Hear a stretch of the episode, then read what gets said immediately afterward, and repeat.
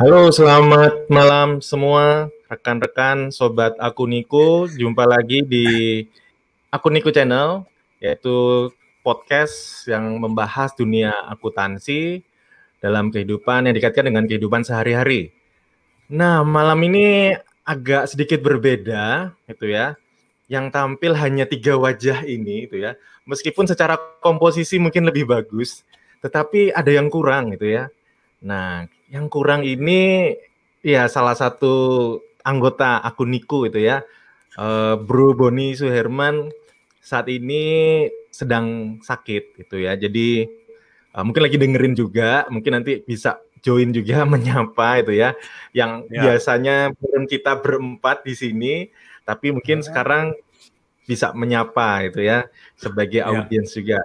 Kita doain cepat sembuh buat uh, Boni. Amin. Yep. Oke, di sini juga uh, saya mau menyapa dahulu tuh ya. Kita nih kan muncul tiap uh, rutin tiap Rabu malam jam 10 itu ya. Jam-jamnya orang beristirahat itu ya. Nah, ini teman-teman tapi tetap setia itu ya. Uh, mengikuti. Nah, ini ada teman-teman tunggu toko buka. oh, toko. Okay. Oke, absen. Oke, ini terima kasih buat teman-teman yang oh. sudah menyapa. Miau hadir, hadir. Miau. Oke. Hadir. Oke, ini... sip. Wow. Oke. Nah. ini obrolannya agak sedikit berbeda. Tadi selain ada uh, nggak ada Bruni, terus nah mau nggak mau saya nih jadi host itu ya. Jadi saya harus beradaptasi itu ya untuk meng menggantikan sementara ya. Semoga-moga minggu depan udah join lagi bareng kita, bareng Pak Ponco, bareng Aris dan saya itu ya. Nah, bicara tentang apa ya? Uh, kehidupan. Topik minggu lalu kita sudah ngobrolin tentang masih ingat ya teman-teman ya, tentang balance or balance. balance. Nah, terus nyambung itu ya votingnya akhirnya terpilih temanya adalah ikigai yang terus sama Bro Aris ditambahin ikigai ikipie gitu ya.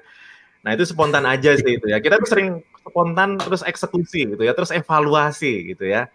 Nah, itu adalah obrolan kita malam hari ini. Silakan teman-teman uh, bergabung terus ya selalu ya uh, berinteraksi kita kasih komen aja gimana teman-teman ini sudah nggak sih sekarang di umurnya sekarang ini menemukan ikigai? Ya, mungkin sedikit pengantar sebelum kita bahas lebih dalam. Uh, ikigai ini apa sih? Mungkin uh, saya akan bagikan dahulu. Mungkin bisa search di internet juga itu ya. Nah, ikigai itu sebenarnya adalah sebuah apa ya? Sebuah jalan, the way itu ya. Kalau saya pahami seperti itu ini ya. Way of life gitu ya. Way of life ah. gitu ya, sebuah jalan Sip.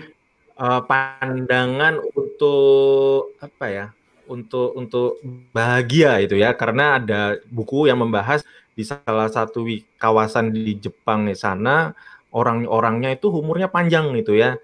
Nah, salah satu uh, hasil penelitiannya adalah ini, menemukan bahwa mereka itu punya prinsip hidup yang namanya ikigai. Dan ikigai ini sebenarnya menggabungkan antara empat domain itu ya, empat hal yaitu tentang apa yang kita cintai, terus apa yang kita hebat kita lakukan ya, terus apa yang kita eh, dapatkan kita terima dalam bentuk uh, ya kita dapat upah gitu ya. Dan apa yang dibutuhkan oleh dunia. Nah, itu yang nanti dikombinasikan ya. Dikombinasikan menjadi sebuah kalau ada yang namanya passion, ada mission, ada profession, ada vocation dan irisannya itu yang tengah ini itu ya yang kita lihat kigai. Nah, kita langsung aja uh, ngobrol itu ya sama dua rekan saya, dua sahabat saya ini ya. Yes. Jadi kita ngobrol yuk itu ya tentang ikigai. Mungkin saya mau ngobrol dulu sama Aris itu ya. Riz, boleh tahu umur sekarang umur berapa? Umur sekarang dua berapa ya? Tahun ini 30, tahun Masih ini. dua Pas. tahun 29 ini. ini. Menuju 30 Ya, berarti ya. road to Wih, 30. Kirain masih masih imut-imut banget berarti ya. Tak kira udah 30 lebih. Belum, belum, Serius, belum. serius, serius. Belum. Oke.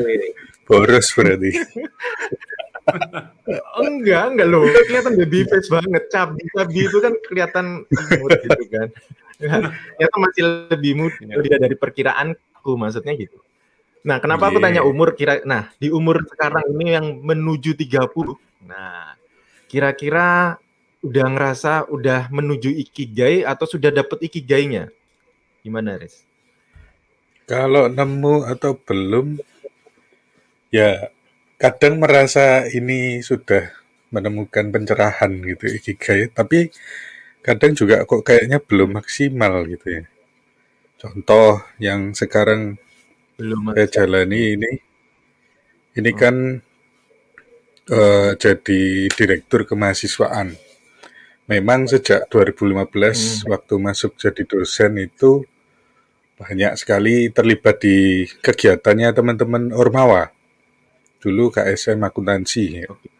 Terus lama-lama ikut di berbagai kegiatan macam-macam ya, wisuda, MOB, terus lama-lama Hmm. GPB hingga akhirnya terbawalah ke sini. Nah, kalau dari empat perspektif Ikigai itu kan dijelaskan nanti banyak orang awam nggak memahami apa itu GPB gitu. ya Karena GPB itu eh, semacam program kalau di kampus Ubaya itu untuk mahasiswa baru selalu satu rombongan pasti akan mengikuti GPB untuk pembekalan soft skill khususnya goal setting. Nah, ini ya, kan mungkin singkatan tidak dari growing personal Personal base. Growing Growing ya. personal base. Kalau MOB itu ospek istilahnya di kampus-kampus yang umum ya, masa orientasi bersama. Nah, itu semua kan berurusan dengan mahasiswa, artinya memang dekat. Saya itu termasuk orang yang suka ketemu mahasiswa-mahasiswa karena ya fun, seru, kemudian bisa diskusi macam-macam yang kritis, bahkan termasuk main game aja kadang sama mahasiswa main Mobile Legend ya. Nah, eh, kalau memaknai ikigai tadi kan ada empat unsur itu ya apa yang dicintai. Kalau Ah, berkumpul dengan mahasiswa jelas saya menyukai itu, saya cinta itu. ya Apakah mencintai. Saya punya skill di sana? Nah ini eh, antara ya dan tidak gitu ya, mungkin belum maksimal. Ya, apakah mendekati Oke. mahasiswa ini saya sudah cukup baik? Apakah mengembangkan program mahasiswa ini saya sudah cukup baik? Kayaknya masih perlu kaizen. Karena kalau sudah merasa puas kok, sepertinya kita nggak akan berkembang gitu ya. Terus, apakah kita di, bisa dibayar untuk itu? Dulu awalnya saya nggak tahu. Ya nggak tahu karena ya ya masih sudah kalau dulu waktu masih mahasiswa. ya kalau dulu dampingin teman-teman KSM ya. Ibaratnya tidak ada apa ya kayak fee atau gaji khusus untuk mendampingi. Memang nggak ada. Cuman kalau Hmm. ada event kita keluar kota ya adalah tunjangan perjalanan dinasnya. Kecil memang. Dulu Kecil. saya tidak merasa apakah ini bisa generate Oke. income. Nggak juga ternyata. Oke. Tapi lambat laun ternyata saya itu sedang melakukan sebuah investment yang akhirnya bisa Hmm. membawa ke posisi sekarang. Jadi kayak sekarang itu baru Oh. bisa ngerasain ya, duitnya di mana. Oke. Kalau apakah dunia butuh? Ya jelas ya setiap kampus pasti apa ya? Ya butuh sosok yang eh, ngopenin kemahasiswaan ya, ngerancang program, ngembangin soft skill dan sebagainya. Gitu. Oke. Udah berapa tahun sih sebenarnya jadi dosen? Dari 2015, Pak. 2015 berapa ya berarti? Berarti Tahun ke-6 ya? jalan tahun, tahun ke-6 ya. Tahun Tahun ke-6. ke-6 tapi intinya kan sudah kalau uh, tadi Aris bilang tuh ya uh, mendampingi mahasiswa sesuatu yang disukai hingga ya mendampingi orang-orang muda ini kan sesuatu yang dibutuhkan oleh dunia itu kan artinya membangun satu peradaban baru itu kan dengan mendampingi orang-orang muda itu ya. Nah artinya kalau mungkin kalau ya sudah menjalankan ikigai cuman uh, Aris masih merasa bahwa ini perlu satu continuous improvement itu ya satu bahasan di episode di awal bahwa ini harus terus di improve gitu ya tapi yes. pet untuk menuju ikigainya berarti udah ada ya Aris ya udah ada dan memang mm -hmm. untuk ya mungkin sekarang saya merasa ya lumayan dapat lah ikigainya cuman itu butuh okay. waktu ya enam tahun tadi Artinya kita nggak hmm. bisa instan panen gitu. Kayak menanam hmm. pohon nggak bisa langsung berbuah. Iya iya iya. Tapi termasuk cepat loh. Uh, artinya buahnya udah nah, langsung manis kan. Sekarang dalam enam tahun udah posisi ya, strategis. Tapi ya, gini Pak Adi, hmm. Uh, hmm. Ada struggle juga sebelum kuliah kan. Saya sudah ya, sempat ya. kerja berapa tiga tahun itu. Nah itu hmm. kayaknya juga termasuk salah satu yang membentuk saya sampai hari ya. ini. Artinya nggak bisa cut off-nya dari tahun 2000, ya. 2015. Betul. Bahkan dari kuliah hmm. mungkin bisa. Banyak kan iya, teman-teman ya, ya. yang kuliah itu, ya. aku bingung mau jadi apa ya. Itu sudah bagus sudah. Permulaan. Saya termasuk termasuk waktu lulus itu bingung loh Pak Adi. Iki kerja opor ya gitu. Banyak. ya berarti. Iya. Teman-teman akuntansi itu hmm. banyak yang cita-citanya masuk ke Big Four. Saya nah, ini ya. salah satu yang tidak normal kalau kalau ukur normalnya Big Four. Saya nggak normal.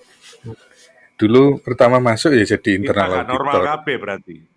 Ya, ya, Coba gitu, kalau di tes ini. Semuanya pengen masuk Four. Kalau iya. nampung semua. Oke, iya, oke, oke.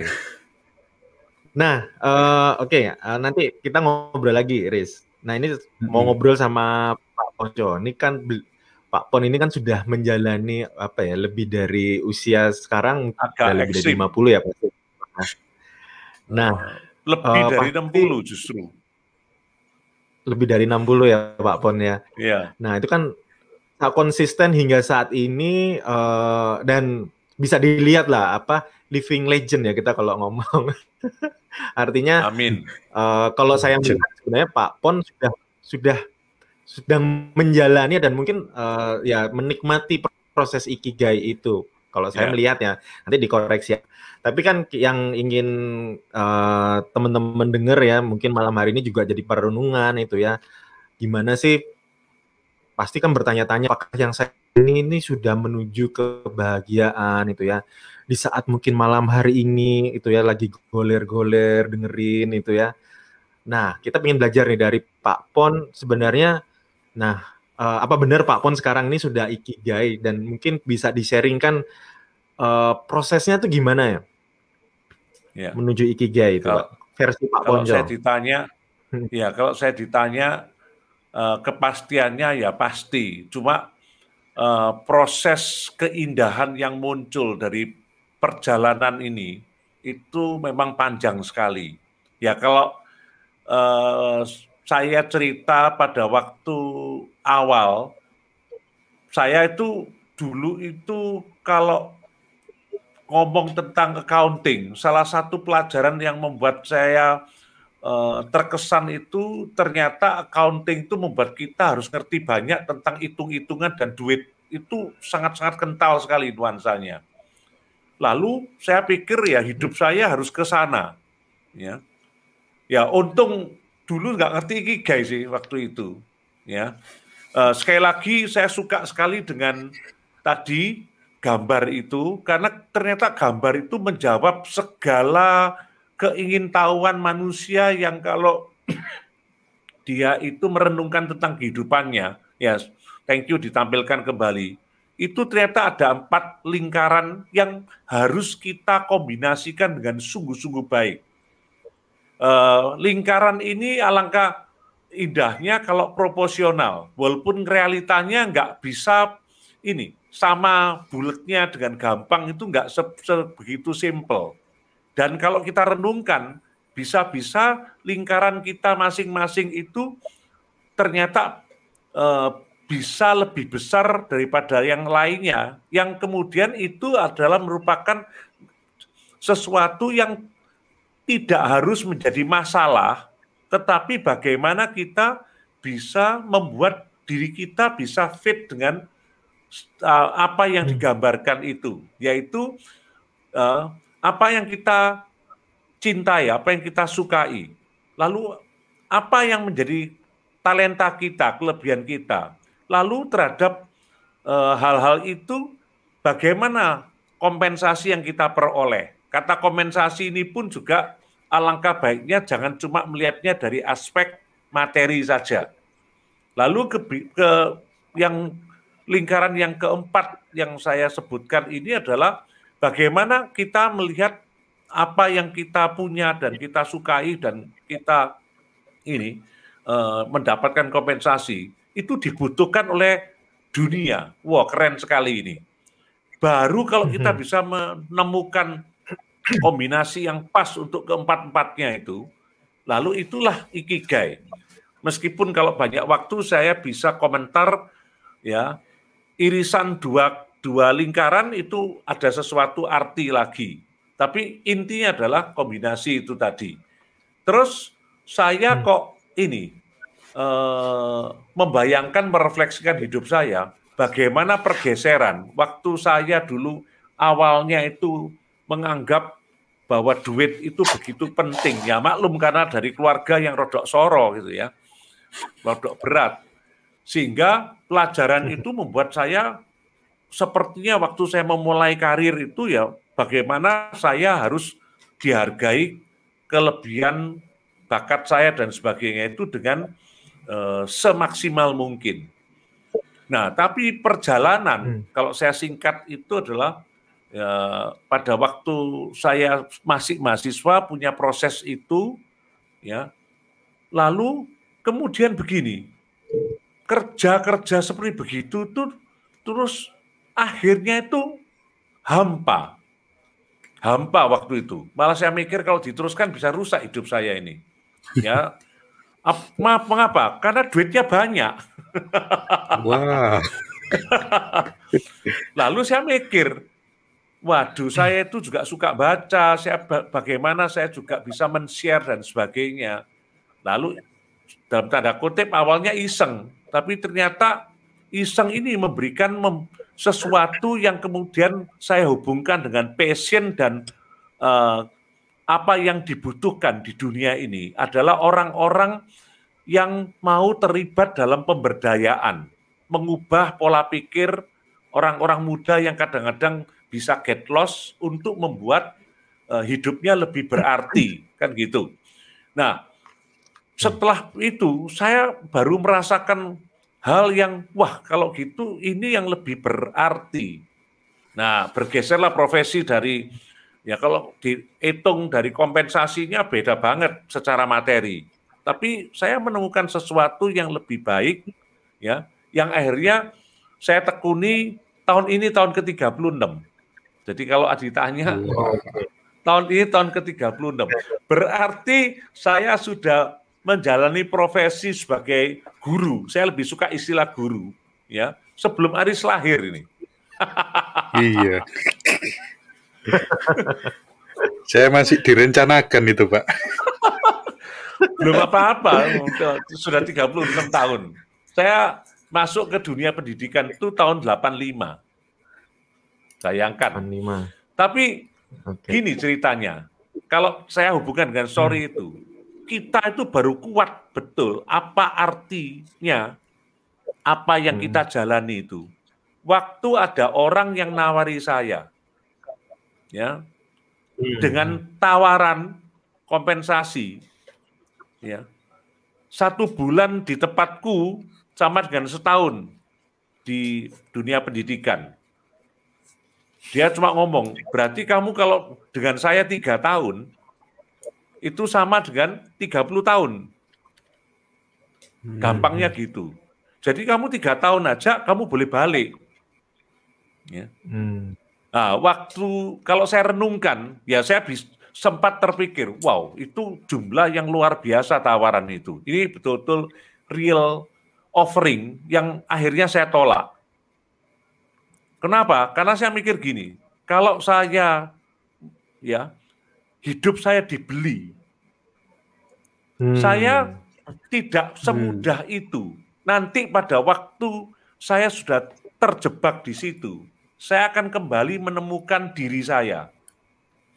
Ya, bayangkan saya bahwa saya meskipun tidak istimewa, tapi paling tidak saya bisa menjadi diri saya untuk memberikan, membagikan berbagai macam, termasuk ya saya membayangkan kalau saya waktu itu menawarkan itu rasanya saya tidak akan ketemu Aris itu.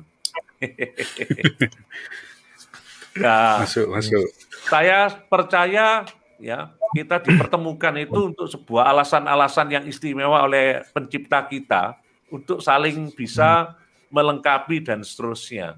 Kalau enggak, enggak ada hari ini seperti begini akhirnya. Enggak ada akuniku. Jadi eh, saya memaknai bahwa perjalanan itu harus disikapi dengan konsistensi. Harus teruji oleh berbagai macam. Kalau kita itu menjalani sesuatu itu hanya karena terpaksa, karena kepepet, itu bukan ikigai. Apalagi kita jalani dengan ngersulo, apa ngersulo? Komplain, mengeluh, ngomel, hmm. nah, mengeluh, berkeluh kesah. Iya. nah, saya menganggap sebetulnya kalau saya ya memang kalau saya ditanya apakah uh, saya happy all the time, ya enggak dalam pengertian itu dalam saya ada suatu saat juga ada jengkel, ada kesel, hmm. tapi itu tidak menyurutkan semangat untuk selalu melakukan yang baik. Gak, jangan sampai level terbaik aja dah. Tapi kalau bisa ya terus kita bisa bisa level yang ter itu tadi.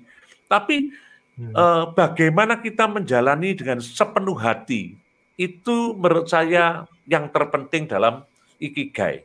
Bukan karena kompensasi saja, tapi kita tahu bahwa apa yang kita luka kita lakukan dibutuhkan, bahwa apa yang kita lakukan itu kita juga uh, me, menyukainya, ya, menyintainya, lalu kemudian jelas itu ya sesuai dengan talenta kita. Dan saya pikir kita semua itu memiliki kelebihan-kelebihan yang pas untuk kita dedikasikan dengan apa yang ya kita kerjakan sekarang. Semoga ini dapat uh, me, ini memahami bahwa setiap pribadi itu ada masing-masing proses. Nah, saya mestinya harus uh, mendengarkan dari Adi dong. Walaupun sebagian itu ada nah, ceritanya nah, yang setuju, pasti ini. Ayo dah. Adi. Sebetulnya okay. saya miss saya miss Boni sih, tapi ya kita ini uh, rasanya ada kurangnya tapi ya bagaimana membuat tiga ini tetap bisa mengcover yang sebaik hmm. mungkin. Hmm. Oke, kalau sebenarnya perjalanan saya sama Boni itu kan semenjak ya, apa ya semenjak kuliah kita satu angkatan satu angkatan ya. Nah, hmm. satu angkatan angkatan 97 dan talentanya kurang lebih sama, passionnya sama, apa yang kita ya, sukai ya. juga sama sama ya. organi ormawanya itu hampir semua sama itu ya mulai kalau di tingkat fakultas ada opus klue terus uh, di warta ubaya cuman saya mungkin lebih banyak di ikut UKM band terus ada UKM uh, eh, paduan suara terus ya, ada lagi lah beda ya. Nah, agak berbedanya Kalau mungkin ada melukis-lukis dia. Iya, lebih banyak ke gambar ilustrasi komik gitu. Gambar gitu. Ya. Tapi ya uh, ya sama sih. Nah, memang uh, kita jalaninya senang gitu ya. Waktu jadi mahasiswa pun ya temptation-nya kan antara fokus dengan akademiknya dan di organisasi. Hmm. Nah, ini masih nyambung sama episode sebelumnya itu ya. Jadi kita tuh saling ngingetin saya sama Boni itu eh jadi kuliah itu kalau nggak ngerti, eh belajar bareng, belajar bareng. Nah, kayak kayak gitu. Saling ingetin itu ya.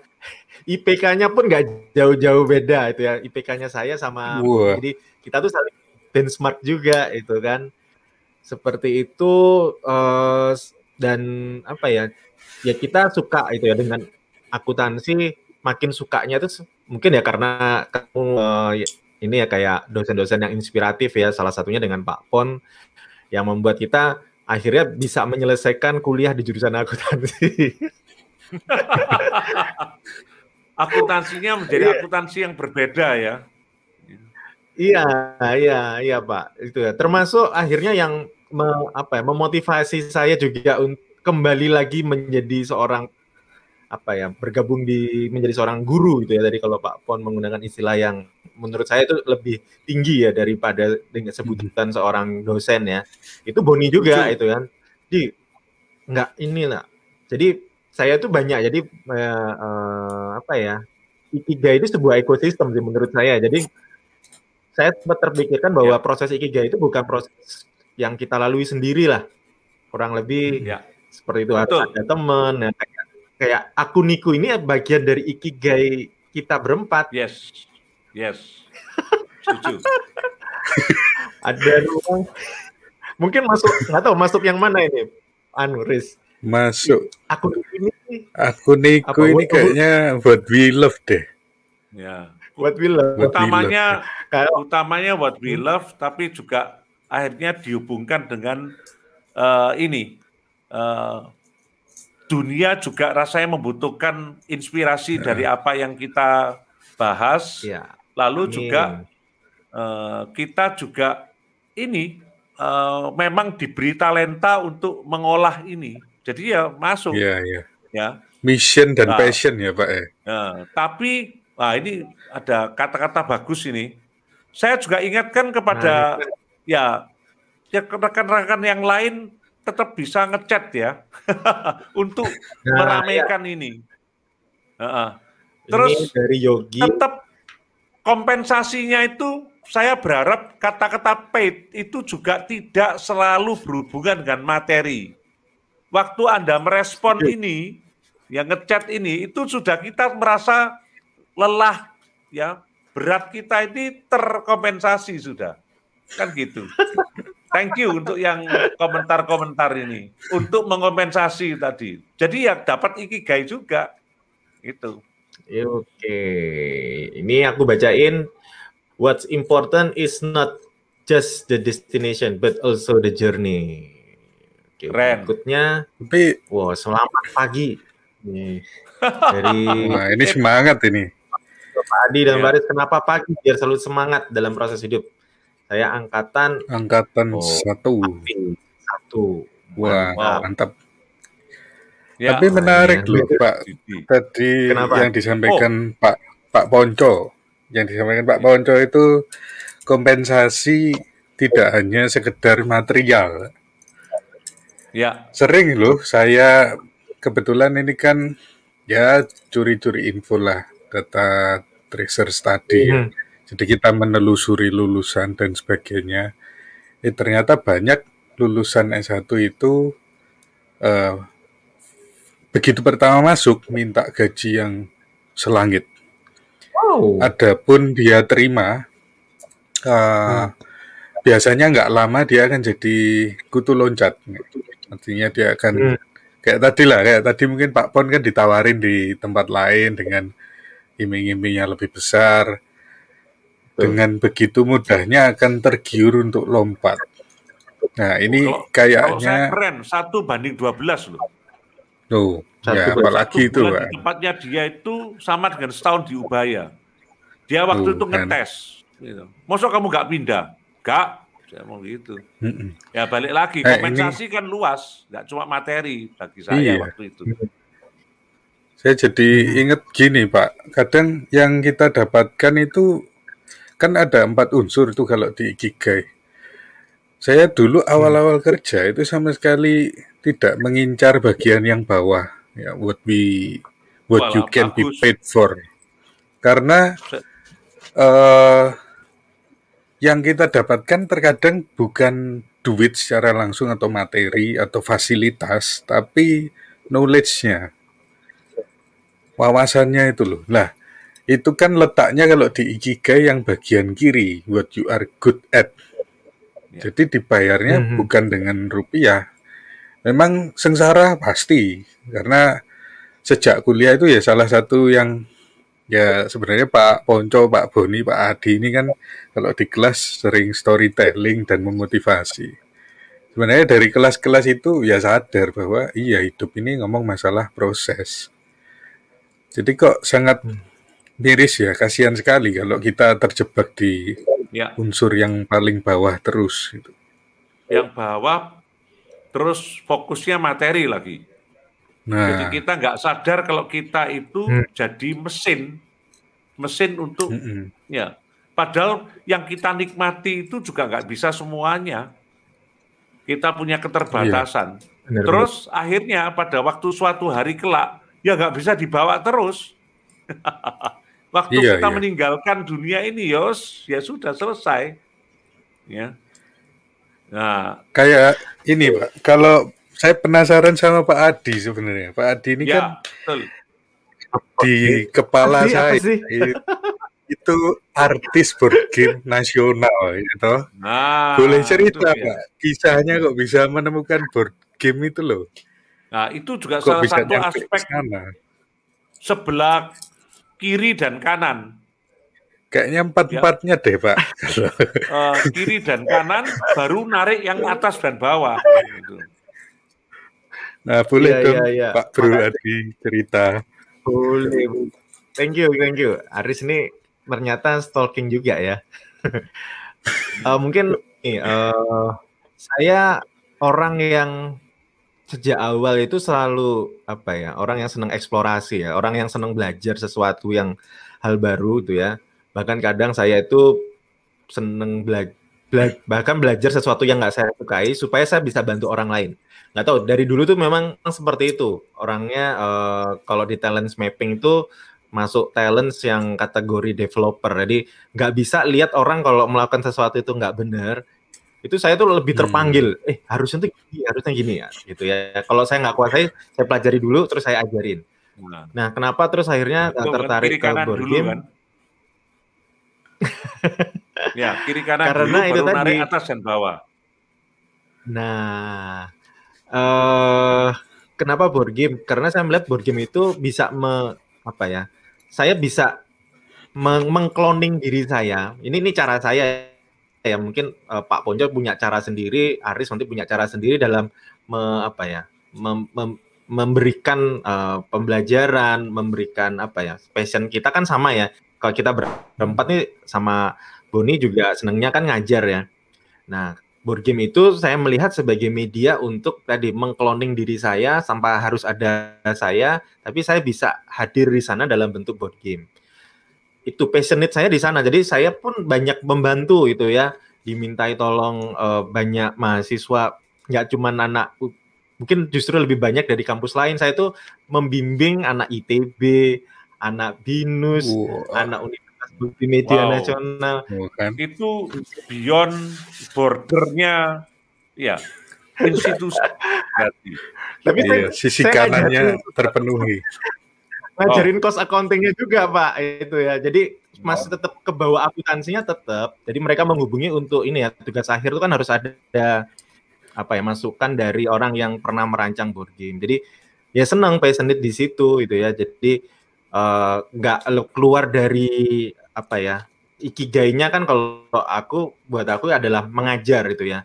Nah tapi medianya aku selalu explore nah, itu ya juga uh, board game, buku itu. Ya, ya kayak gitu sih. pun medianya nggak cuma ya. Kalau saya tipikal face to face, tapi Adi hmm. su sudah tembus bukan face to face lagi.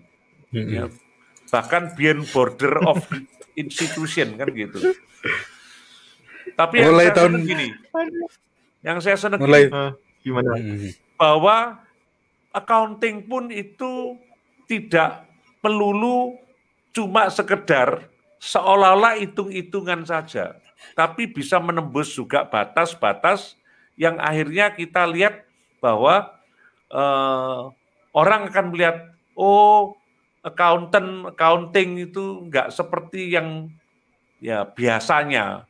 Kenapa? Karena ya kita bisa mendisrupt ya untuk menjadi hal-hal yang uh, baru, tapi kalau kita lihat ada nuansa accounting ya nggak hilang. Nah itu kan keren itu. Oke. Mulai uh, tahun berapa so, Pak Adi itu? Apa, Mulai tahun berapa Pak oh, mulainya? Board game. Board game. Board game itu aku tahun 2015 ya. Tapi kan sebelumnya aku uh, memang sebenarnya kan memang ke game design. Sebenarnya masih nyambung ke sistem ya. Sebenarnya sistem itu kan juga ngerancang ya. Tapi kan uh, di iya. sini aku merancang ke sistem sistem pendidikan itu kan yang menggunakan uh, istilahnya itu game based learning gitu ya. Yeah. Itu dari 2015 karena karena uh, waktu itu ada event kompetisi lah ya kompetisi yang diadain Kompas sebenarnya pengen ikut workshop belajar board gamenya tapi terus ternyata itu satu paket sama kompetisi lah yang awalnya pengen belajar terus ikut kompetisinya terus dilala juara satu gitu kan. Nah itu. Hmm. kemenangan itu bisa membuat yang tadinya itu tadi ya nah itu jadi buat pada level buat ya. Iya pak. Nggak ngincer itunya mungkin sama kayak Aris itu ya. Kita seneng hmm. gitu ya karena seneng banget.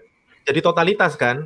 Kayak kayak aku ngeliat sendiri Aris itu eh, dampingin temen-temen adik-adik mahasiswa itu passion itu lah kelihatan lah ya energinya itu nggak usah diomongin lah itu ya. Maksudnya totalitas gitu ya. Saya saya kayak ngelihat sosok Boni juga itu ya di Aris itu ya. Artinya uh, support ma, apa ya moral itu ya ke mahasiswa itu bener-bener dari hati. Kalau nggak dari hati itu kan ya nggak akan seperti ini gitu yang mungkin Aris nggak hmm. akan duduk sebagai ya posisi strategi sekarang ya sebagai seorang direktur itu ya gitu.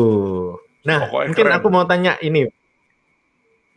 Pak Pon masih masalah ikigai juga. Nah saya tuh masih misteri itu kayak gini sih. Kalau kita kan saya banyak melihat Pak Ponco saat saya menjadi siswa Pak Ponco itu kayak mentor kita itulah ya. Yang akhirnya bisa uh, ya kita menemukan ikigai itu ya.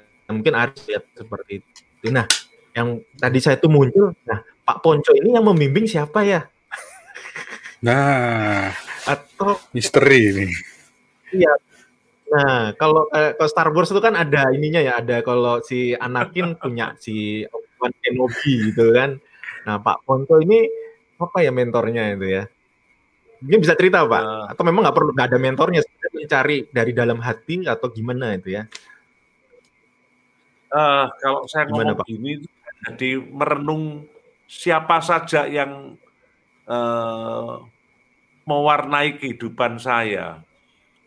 Saya akhirnya coba berpikir gini, andaikan saya uh, bisa menemukan seseorang yang saya perankan sekarang terhadap ya uh, hmm. ya yang saya lihat banyak orang yang hebat-hebat ini, mungkin saya lebih hebat lagi. Ya, tapi gini, saya kok ngeliat gini, saya itu termasuk orang yang suka mencermati pola pikir orang-orang yang kemudian saya coba mengambil kelebihan orang-orang itu untuk supaya jadi hmm. Eh, kalau saya ditanya tentang seseorang mungkin nggak bisa saya sebutkan satu orang yang seperti berperan sebagai mentor seperti itu. Tapi waktu saya melakukan me, melihat jalur misalkan pendidikan ini menjadi sesuatu yang saya bisa kerjakan untuk bisa mewarnai pola pikir yang lebih baik itu, maka saya sepertinya menjadi berperan seperti mentor ya. Itu ya saya bersyukur ya karena diterasakan karena saya tidak pernah merencanakan itu tapi saya uh, tujuan saya hanya bagaimana orang-orang yang punya bakat orang-orang yang uh, ini belajar mengembangkan diri mereka mereka menemukan sesuatu yang bermakna bukan sekedar menjadi mesin uang saja belajar ya mohon maaf saya ngomongnya agak keras ya uh, melalui profesinya cuma sekedar melacurkan diri ya, tetapi oh. melakukan sesuatu What? yang makna. itu.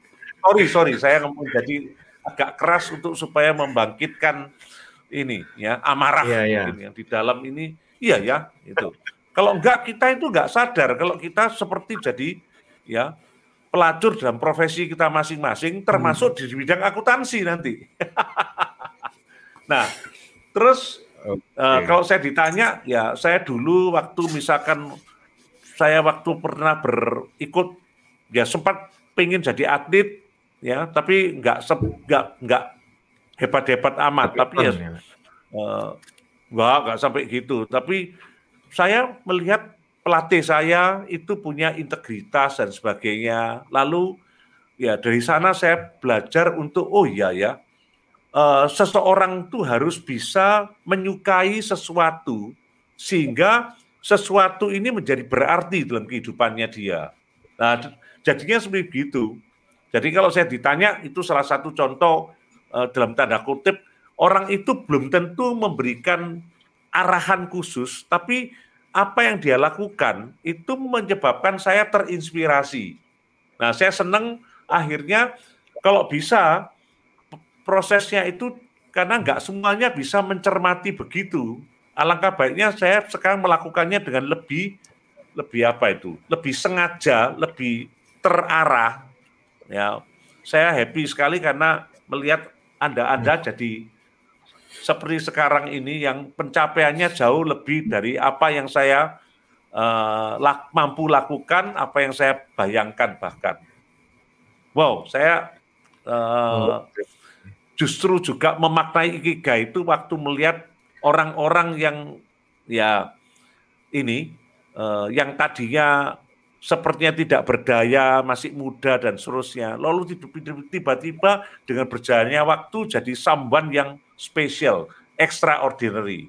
Wow, ya eh, masing-masing ya, ya dengan pencapaian masing-masing. Chip. Iya. Ya. Saya yakin sih. Uh, uh, gimana Pak Bon? Intinya sih kan sebenarnya uh, apa ya melanjutkan bahwa ada venue yang luar biasa yang tadi ya bahwa kita tuh ada jalan sih yang ikigai ini kan memandu kita itu ya mengingatkan kembali uh, kenapa sih Tuhan menciptakan kita itu kan? Dan untuk siapa? Dan bukan untuk diri kita sendiri pastinya ya. Karena kita uh, bisa saling membantu itu ya dengan yang lain itu ya. Dan uh, saya mencatat ada beberapa poin penting sih tadi disampaikan Pak Pon bahwa juga dan Aris ya harus ada ujian itu ya bahwa proses itu uh, menuju ikigai itu bukan jalan yang mudah bukan jalan yang instan itu ya. Dan akan diuji itu ya loyalitas kita terhadap passion kita terhadap apa yang kita cintai itu ya. Dari sisi materi ya bukan berarti materi ini jelek itu ya tapi ada hal lain yang greater than materials itu ya greater than money itu ya yang membuat itu uh, kita jadi lebih hidup itu ya. Jadi saya melihat juga ya kalau hidup kita bisa dibeli itu ya apa semangat kita. Bukan berarti kita nggak butuh duit ya tetap butuh gitu ya. Hmm. tetapi kan ada batasannya uh, butuh ruang itu ya untuk bisa lebih mengembangkan diri itu ya dan terus menginspirasi itu ya untuk menemukan ikigai kita. Dan saya yakin ikigai yang sudah dilalui uh, dinikmati oleh Pak Pon ini menjadi sebuah energi itu ya buat orang-orang muda itu ya. Saya yakin banyak yang lebih sukses Pak Pon dibanding saya Aris itu ya. Saya yakin hmm. teman-teman yang dengerin ini dan ya. mungkin yang enggak yang dengerin di luar sana juga mungkin yes. lebih hebat itu ya Betul. itu. Saya tak oh. nambah dikit ya. Saya tak okay, nambah dikit Pak aja. Yaitu gini. Okay, sebetulnya kita harus sadar pencipta kita itu tahu persis untuk hmm. supaya kita itu dalam posisi tempat waktu itu nggak salah. Tapi kalau kita reaksi kita, ya respon kita salah, jadinya akhirnya hmm ya bisa tidak seperti yang ya dikendaki oleh pencipta kita. Karena gini, banyak orang misalkan kalau dia ngomel, kenapa kok gini, kenapa gitu. Padahal itu sesuatu proses yang harus dia jalani supaya dia bisa menemukan ikigainya dia. Nah, tapi karena dia responnya keliru, jadi seolah-olah kok hidup tuh kok kejam kepada dia. Hidup itu kok tidak adil kepada dia. Ya, ini yang bahaya sekali. Ya, semoga ini tambahan ini memberikan satu uh, kedalaman uh, makna dari ikigai ini supaya kita itu juga ya harusnya menjalani itu dengan ikhlas dan penuh bersyukur itu tadi untuk bisa mendapatkan makna ikigai ini. Oke. Ini bisa dibaca Banyak ini. Hal. Tadi saya lihat ada Ivan juga ya. yang menurut saya ya, uh, komentarnya ada... menarik izin menyimak sambil ngelembur. Wah, sambil ya, lembur. Pak. Kangen sama Pak Pon ini. Pak Pon. Boga, saya tadi tersentuh dengan kata-kata you got this itu. Oke. Okay. Oke. Okay. Terus ya, ini, ini dari Yogi. Yogi. Love what we do, we will do love. Yes. Keren, keren. Betul. Ya, Pak mau apa ya hmm. diskusi Boleh. tentang sesuatu. Ya? Jadi misal nih kayaknya ya. banyak ya mungkin entah yang nonton ataupun nonton live ataupun nanti setelah setelah live ini kan iya. kita tetap posting di YouTube. Uh, hmm. Mungkin ada beberapa teman-teman kita yang merasa sampai dengan hari ini belum menemukan ikigainya. Lalu hmm. tadi kan sudah disampaikan keep struggle. Ya tetap ikhlas, tetap berjuang. Ada cara lainkah untuk bisa kita accept kondisi kita ini? Mungkin belum semua aspek terpenuhi mungkin. Itu yang menyebabkan kita kan hmm. merasa stressful kan ya. Ya. Kayak ya, hidup ya. ini nggak bermakna, hidup ini kok kayak gagal terus, nah, kayak gitu. Mungkin ada tanggapan nggak? Pak Adi Harus dulu ini sih, Ya, thank you, Riz. Kalau aku sih apa ya, kita mengenal diri sendiri itu sebuah tantangan ya, sebuah sebuah proses. Kadang kita stressful dengan diri kita sendiri. Sebenarnya kita nggak mungkin bisa mengubah dunia itu ya. Tapi yang bisa kita lakukan adalah mengubah diri kita untuk mengubah dunia itu ya. Dan ikigai kita itu sebenarnya sudah ya tadi Pak Pon sudah sampaikan bahwa Tuhan itu sudah menciptakan kita dengan talenta. Dan setiap orang itu karena talentanya berbeda-beda, itu artinya kita tuh seperti puzzle tuh ya. Kalau saya menggunakan analoginya Pak Pon, meskipun itu untuk mata kuliah ya, tapi saya melihat bahwa kita ini ada potongan-potongan puzzle yang saling melengkapi itu ya. Nah kayak sekarang nggak ada Goni rasanya seperti puzzle gambar yang belum lengkap. nggak ada teman-teman audiens aku Niku ini kayaknya sepi gitu ya. Tapi meskipun ini uh, yang live nggak banyak ya mungkin malam hari ini, tapi itu tadi uh, talenta yang dimiliki ya setiap orang dengan ikigainya sendiri-sendiri ya dengan uh, yang dibangun dengan mengenal dirinya itu akan menjadi sebuah puzzle yang melengkapi satu dengan yang lain. Jadi uh, mencari tahu kalau kita kesulitan mencari tahu tentang diri kita sendiri ya orang terdekat kita mungkin kita bisa tanya atau orang kita kasihi kita sayangi uh, mungkin dia lebih tahu gitu ya bahkan bisa jadi kan seperti itu itu kenapa perlu ada psikolog gitu ya dan orang-orang lain lah yang yang mungkin mengamati kita itu ya. Pak Pon itu salah satu orang yang sangat jeli mengamati setiap mahasiswanya. Nah, saya kira hmm, cuman hmm, dulu itu ya saya tuh menganggap Pak Pon itu cuman apa aja ya ada satu arah tuh ya orang yang cuman khotbah aja itu tapi tapi enggak hmm. itu ya yang saya rasakan beliau itu seakan-akan memperhatikan setiap mahasiswanya serius itu ya beliau itu tahu detil-detil tentang saya yang itu saya nggak rasakan dengan mungkin dosen yang lain itu ya. Jadi uh, saya sangat berterima kasih lah itu artinya banyak gitu ya disentil saat kuliah itu ya. Oh ya ya, saya tuh diingetin tuh ya. Saya ada sosok uh, orang tua kedua lah itu ya. Selain bapak saya, ternyata ada saya punya sosok ayah yang juga ada di kampus gitu ya. Jadi beliau inilah yang juga iya. sangat membantu saya untuk menemukan ikigai. Itu kalau dari saya ya, Aris ya. Atau okay. kalau Aris, kalau Aris? Thank you, thank you. Kalau saya, juga, tapi memang saya uh, sekarang ini konfirmasi kalau saya membuat uh, pernyataan gini, saya itu pengen tidak mengenal mahasiswa itu cuma sekedar nama dan nomor pokok, tapi saya lebih mau tahu lebih banyak.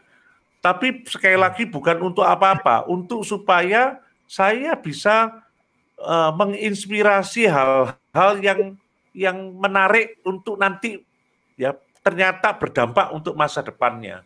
Ya, thank you kalau kalau seperti begitu. Saya Uh, saya nggak tahu, saya nggak ingat secara khusus dulu Aris ini tak apa no ini. Kalau Adi saya ingat, Boni saya ingat itu. saya cuma ya, ingat kalau... waktu di, di S2, di S2 lalu ya. jak ngobrol itu. Enggak tahu terus itu. Saya kalau S1 itu memang ini, Pak. Golongan apa? Kupu-kupu, Pak. Habis kuliah pulang. Bahkan kalau di kelas itu saya ingat betul dijulukin Pak Pujo, tim destroyer. Duduknya paling belakang ngaco terus. Sama sana ya. Saya tapi ingat satu Pak, uh, saya tiap Pak Pon ngajar itu pasti ada satu yang bisa saya kantongin, saya catat lah.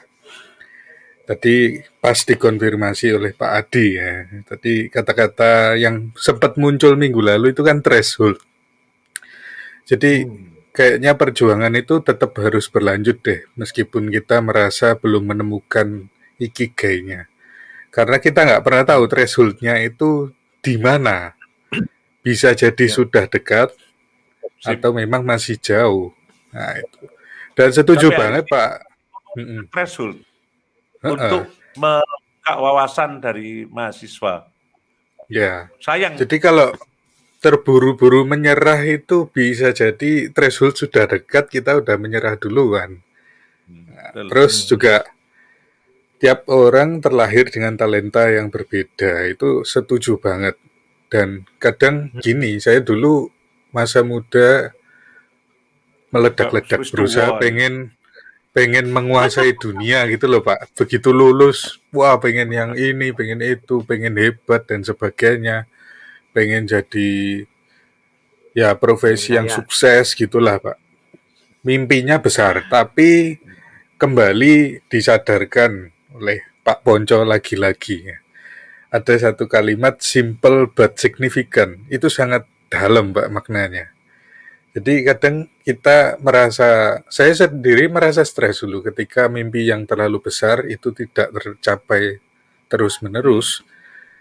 Hingga akhirnya ketemu kalimat simple but significant itu merasa, oh iya ya kita nggak perlu menjadi something yang big, yang besar, yang wah, yang luar biasa karena tidak semua orang terlahir seperti itu. Jadi, at least lakukan hal kecil, sederhana, tapi berdampak. Nah, itu yang saya tekuni terus-menerus, Pak. Ya. Jadi nggak ada penyesalan gitu loh, Pak, modelnya. Wah, ini ada komentar yang juga jelek ini. Komentarnya jelek betul ini. Ah, ini ya.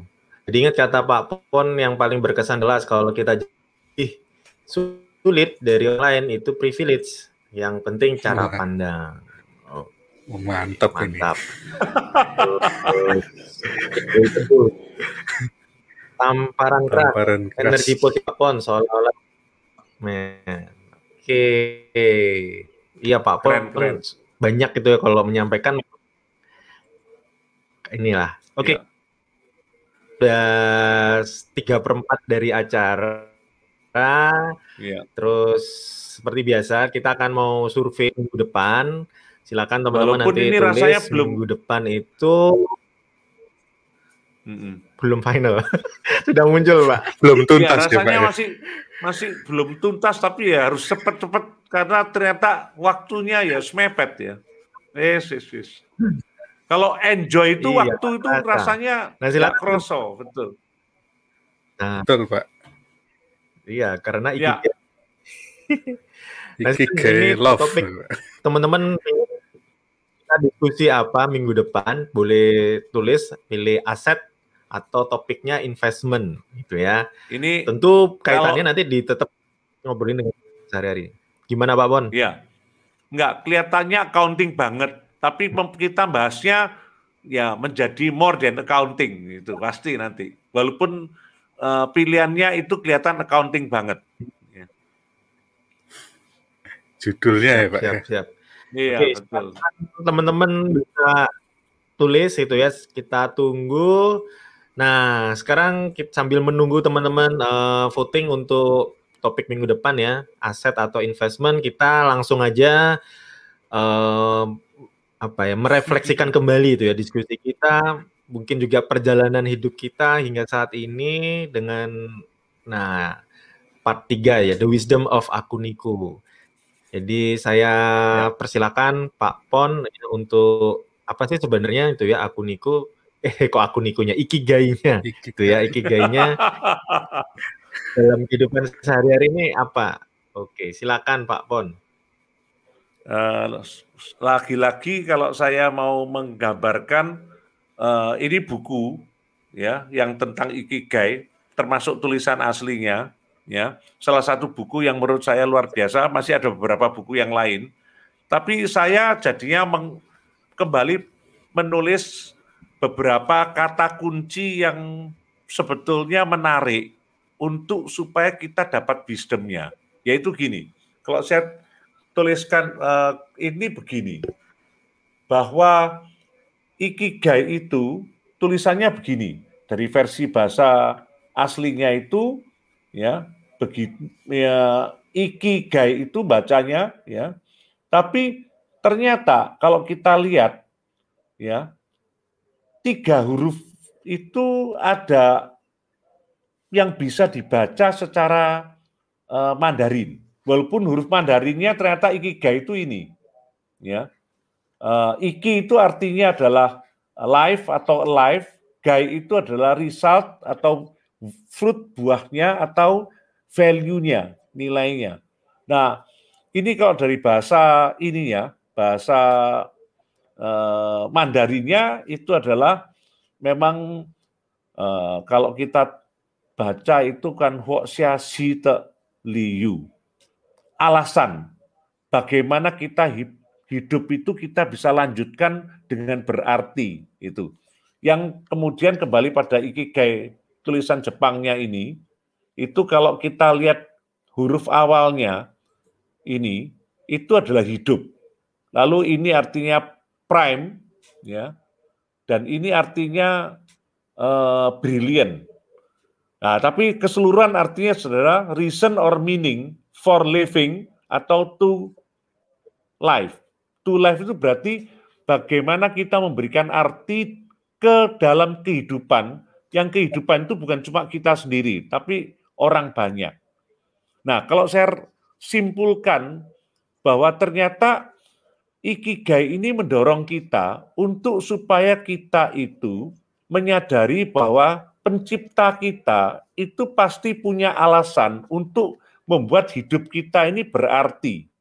Dan kalau membuat hidup kita berarti, mestinya kita harus menemukan keberartian itu.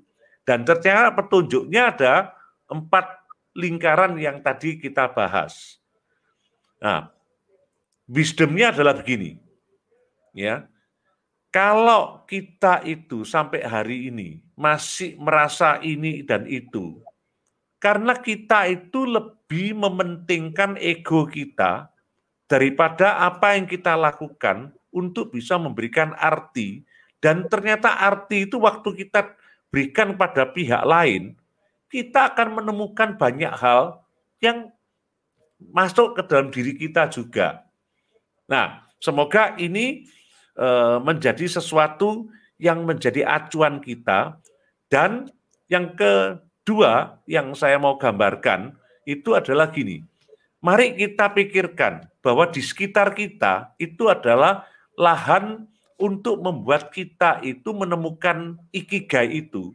Meskipun bentuknya bentuk yang menyakitkan, bentuk yang sulit, bentuk yang berat. Tapi justru di situlah kita bisa mendapatkan uh, pemaknaannya itu dengan lebih baik asal kita mau rendah hati, mau belajar. Dan yang ketiga, jangan pernah berhenti. Meskipun sudah menemukan, meskipun bisa ngerasakan, tapi yang lebih penting lagi adalah semangat untuk terus membuat ya arti ikigai menjadi lebih sempurna, lebih baik lagi dengan waktu yang berjalan. Dan saya berharap ini menjadi sebuah tantangan sekaligus juga kesempatan bagi kita semua untuk bisa ya menjalani dengan makna yang dalam, tidak sekedar berpikir apa yang kita dapatkan, tapi apa yang kita berikan. Lalu kita di situlah semakin tajam dalam ikigai kita. Demikian, semoga eh. uh, berdampak. Mantap Amin. Pak Bon. Ini ada tambahan silakan. Ojo cuma mantep kok. langsung perenungan Pak. Ini nanti tidur itu kita langsung refleksi langsung speechless Pak. langsung apa ya? Kita kadang memang ya, uh, ada jalan sepi gitu ya yang tadi Pak Pon hmm. poin yang ke berapa nih yang kedua ya bahwa ya. kita harus melihat lingkungan untuk ini ya. Memang itu jalan-jalan yang mungkin sepi sendiri, tapi kita harus mencari teman itu ya. Ada ya di lingkungan teman-teman kan pasti ada sahabat-sahabat itu ya, teman-teman lama yang mungkin harus di, dihubungi lagi itu ya. Bahkan kita itu ya memberikan kesempatan. Nah, untuk teman-teman menghubungi kita, itu ya kalau ada yang mau konsultasi, mau hmm. curcol itu ya, kita tuh punya Instagram ya Instagramnya akun Niko channel.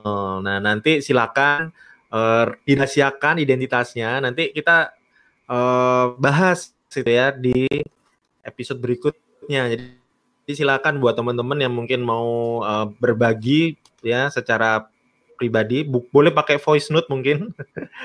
Nah, itu ya. Iya. Dan kita juga sudah ada di Spotify gitu ya. Memang Spotify adalah hmm. rekaman ya. Jadi rekaman diskusi kita dari uh, setiap episode tiap Rabu malam tapi bisa didengerin di Spotify mungkin sambil dengerin lagi, dengerin ulang itu uh, dengan situasi yang mungkin Betul. berbeda akan inspirasi yang lebih fresh lagi itu ya. Bisa seperti itu. Bahkan saya uh, Pak Pon, Pak Aris, Pak Boni juga suka dengerin lagi itu kan. Hmm. Pasti yang tadi kita udah obrol gitu ya seperti itu. Dan sekarang kita masuk di bagian akhir. Ini yang paling ditunggu-tunggu. Silakan kalau mau direkam, gitu ya. Cerita story-nya. Mosok yang direkam cuma pantun itu. Dan Wisdomnya itu harusnya direkam. Sebenarnya uh, saya sangat percaya ya. tadi waktu kata-kata begitu cepat, nggak nggak mudah menangkap, harus didengerin ulang untuk dapat uh, wisdomnya itu tadi. Betul, Pak. Ada tiga hal betul, yang betul. saya kok nganggap itu sebetulnya keren. Saya sendiri juga nggak kebayang ya uh, bisa hmm. menggambarkan dengan ulasan itu, tapi menurut saya ya itulah uh, iga yang kita mestinya berempat ya, tapi uh, semoga tiga pun masih bisa mengcover makna ikigai ini. Semoga siap, minggu siap. depan comeback ya Pak ya. Iya. ya. Semoga ya, waktu nanti Boni dengerin juga ya bisa nambahi tapi nambahi tidak tahu di mana nanti. Berarti minggu depan ya. Eh ya. Oke. Itu votingnya gimana untuk bisa ini? Votingnya voting. sementara 50-50 kayaknya nanti Pak. Masih silakan ya teman-teman tadi ya masih boleh nulis ya. minggu depan tuh kita mau bahas aset atau bahas investment diketik aja gitu ya. Silakan ya. voting dan jangan lupa untuk tetap bergabung gitu ya untuk minggu depan. Oke, silakan. Ya, nanti diumumkan Aris, ya berarti ya. Oke. Oke. Sekarang waktunya Jadi, pantun. Pantun sesi terakhir. Yes. Oke, sudah siap ya recordingnya semua ya. Oke, jalan-jalan pergi ke pantai, makan oh, ikan cakep. sambil bersantai. Jika ingin hidupmu damai, berjuanglah temukan ikigai. Terima kasih. Oke, thank you, thank you. Ini jagonya memang pakar pantun deh, itu ya. Ya itu uh, sekilas itu, bincang podcast. Gimana Pak Pon? Ya itu salah satu kelebihan yang ya baru Talenta, kalau ya, Pak, dikombinasikan ya. baru kena maknanya kan gitu. Sip. Masuk. Oke, jadi itu tadi ya, uh, bincang santai kita di malam hari, podcast tentang Ikigai, Ikipie, sudah semoga, uh, mungkin nggak menjawab semuanya, tetapi setidaknya, uh, menjadi sebuah perenungan itu ya buat kita semua tentang sudah sejauh mana sih kita ini memberikan manfaat itu ya, uh, berguna buat diri kita sendiri juga itu ya, buat orang-orang di sekitar kita yang kita cintai, kita kasihi itu ya. Itu aja mungkin yang bisa kami sampaikan, kurang lebihnya mohon maaf. Kita akan ketemu lagi minggu depan di episode ke-5. 5. Ya, oke, terima kasih. Salam. Oke, salam. Akuniku. Akuniku.